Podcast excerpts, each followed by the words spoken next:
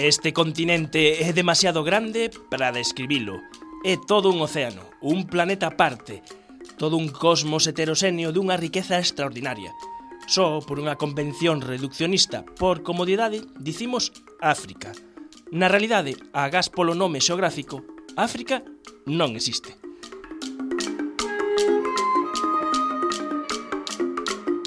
Estas son verbas do gran xornalista Richard Kapuczynski, E non sei que lle parecen a Xurso Mariño. Moi boas tardes, Xurso. Hola, moi boas tardes, Manuel, que tal? Estou totalmente de acordo, bueno, non sei se si decir que non existe unha a maneira, pero desde logo que non existe unha única África. Hai tantas Áfricas como, como zonas ou regións, ou xa non son países, sino que regións distintas dentro de cada país, porque hai países que son extremadamente grandes, como no que estou agora mesmo en Namibia. Surso Mariño, neurocientífico, Eh, do grupo Neurocom divulgador que agora emprende unha aventura de dar unha volta ao mundo durante todo un ano e nós imos ter a sorte de cada varias semanas ou de cada mes de facer un seguimento e que nos vaya contando o que vai vendo, o que vai descubrindo.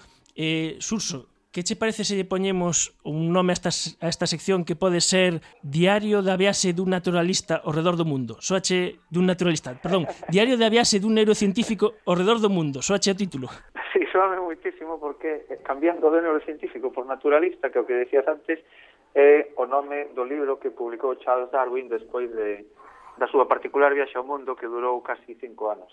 Pois pareceme ben, se queres poñer ese nome, inda que hai moita diferenza dun viaxe a outro. E as túas coordenadas son en Namibia, onde está exactamente? Ahora mismo estou xusto ao sur de Namibia, na costa, na, na, na poboación eh, máis ou menos un pouco grande que hai ao sur de todo na costa, que se chama Luderitz. É un nome alemán, porque foi é unha zona fundada por alemáns, a que lles interesaba naquel tempo esta zona porque aquí hai diamantes. Eh, fundaron este pobo e agora sigue tendo un aspecto totalmente alemán. É moi curioso porque estamos en Namibia, pero a, a pinta do pobo eh, e das rúas e todo, eh, as construccións son alemanas del principio do século XX.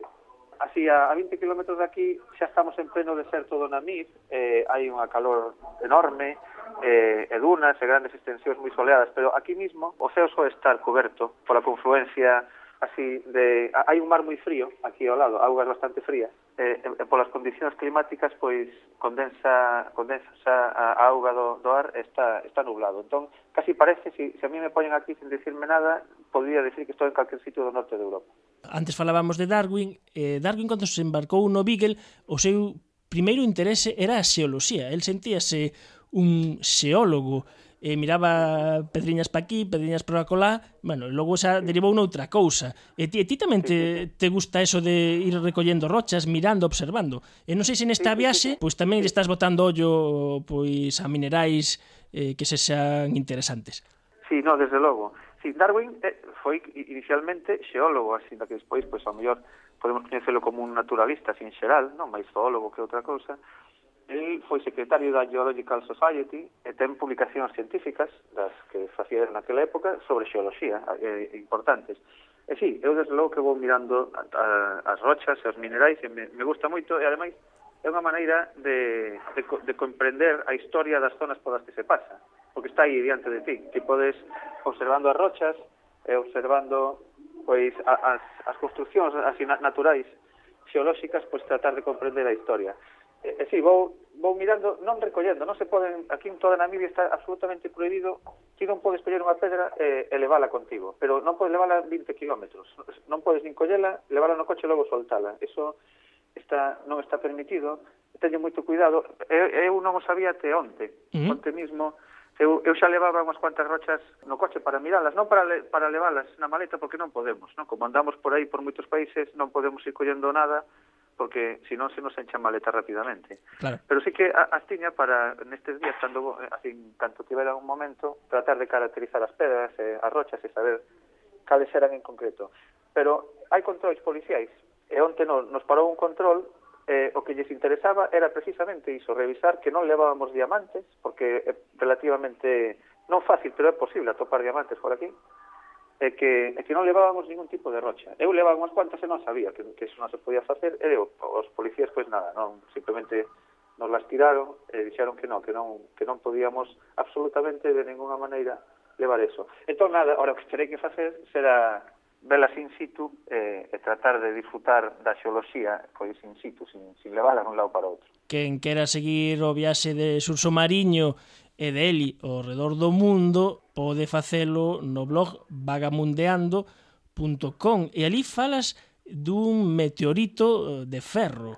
Sí, resulta que hai uns días estivemos na, no Pogo que lle deu nome a un dos meteoritos máis famosos da historia, que se chama meteorito Gibeon, que é un pobo que está tamén ao sur de, de Namibia, e aí hai millóns de anos, realmente non está moi claro cando caeu, pero en tempos prehistóricos caeu o que se considera a, a chuvia máis importante si de meteoritos da, da historia. É dicir, que isto quedou todo sembrado de grandes pedrolos de ferro.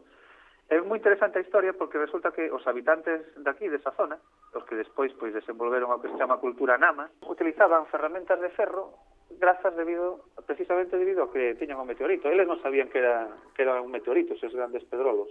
E, e foi caracterizado precisamente unha a persoa que demostrou que era un meteorito é un, un famoso científico e astrónomo que se chamaba John Herschel. O que sí que é interesante é que na capital do país, en Windhoek, uh -huh. pois na, na praza máis importante do país de, de, de Namibia, a, a escultura que hai, o que hai no medio, é un montón deste, de meteoritos, os teñen ali expostos permanentemente. Este meteorito, meteorito caracterizouse porque os fragmentos nos que se rompeu cando entrou na atmósfera pois foron moi grandes, non, non deu lugar a, a, a trociños moi pequenos, sino que deu lugar a unhas pedras enormes, e entón chama moito a atención ir paseando pola capital dunha cidade, dun país, perdón, eh, atopar de repente pois casi 20 tantos meteoritos ali expostos. E dicías eh, que, que aí vivían os Nama, eh, e eh, contas tamén que estes teñen unha linguaxe click, que é unha cousa moi curiosa todas as linguaxes click.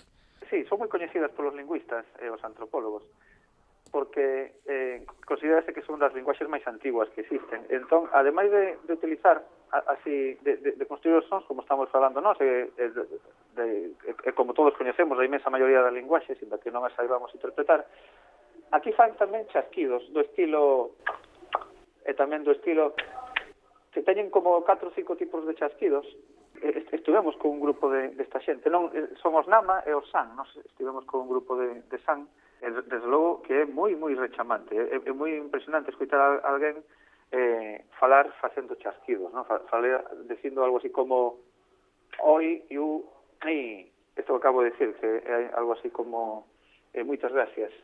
Ah, ben, ben. Estou ben aprendendo, aprendendo a decir.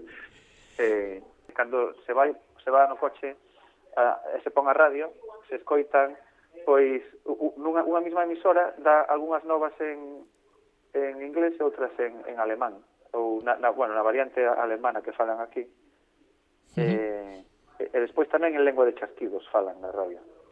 Hai, hai, hai unha mestura interesante. Que curioso, ¿eh? eso de saber se a radio funciona ou non funciona con os clics. Eh? Sí, sí parece, eh, eu comentaba precisamente a Eli que que se si non soubéramos nada parece que hai interferencias. Eh, os voso destino máis inmediato, vos ides meter no deserto? Sí, imos agora, agora estamos á beira do deserto do Namib, que é moi interesante porque é o deserto máis antigo que hai no, no mundo. Está eh, é, é decir, cando estaban os dinosaurios así por aquí, os dinosaurios eh, no planeta Terra este deserto xa existía. Xa, xa a, a construción xeolóxica que do deserto xa, xa se tiña feito. E imos a ir para aí ahora, a, a percorrer o deserto pola beira. Non nos podemos, realmente polo deserto non se pode ir é, é inmenso. Ten uns 2.000 kilómetros de, de longitude e, e centos de kilómetros de, de anchura. Eh, se pode ir pola beira de cando en vez te podes meter un pouco hacia el para, para ver unhas dunas fermosísimas de cor vermello que teñen. Eu non estive nunca en ningún deserto, pero claro, teño lido que tamén hai un fenómeno que xa ás veces no deserto, que son unhas dunas cantareiras, e non sei se haberá no deserto de Namibia, que cando se forman uns saludes, fan con uns ecos, unhas resonancias, a ver se te de sorte. e gravades si unha cousa desta sí que para non sería moi radiofónica. Ah. Pois... Ah Eh, bueno, esta viaxe de Surso Mariño e máis Eli que empezou en Santiago de Compostela, Canarias, Sao Tomé, Namibia, no, Sal... Cabo, Verde, Cabo, Cabo Verde. Verde sí. Cabo Verde, São Tomé e agora Namibia. E, e logo o que sabedes é que África chegaredes ao sur e logo daredes un chimpo. Un chimpo á Terra do Fogo. A, a tirar por, todo que é América desde a Terra do Fogo até, até Alaska.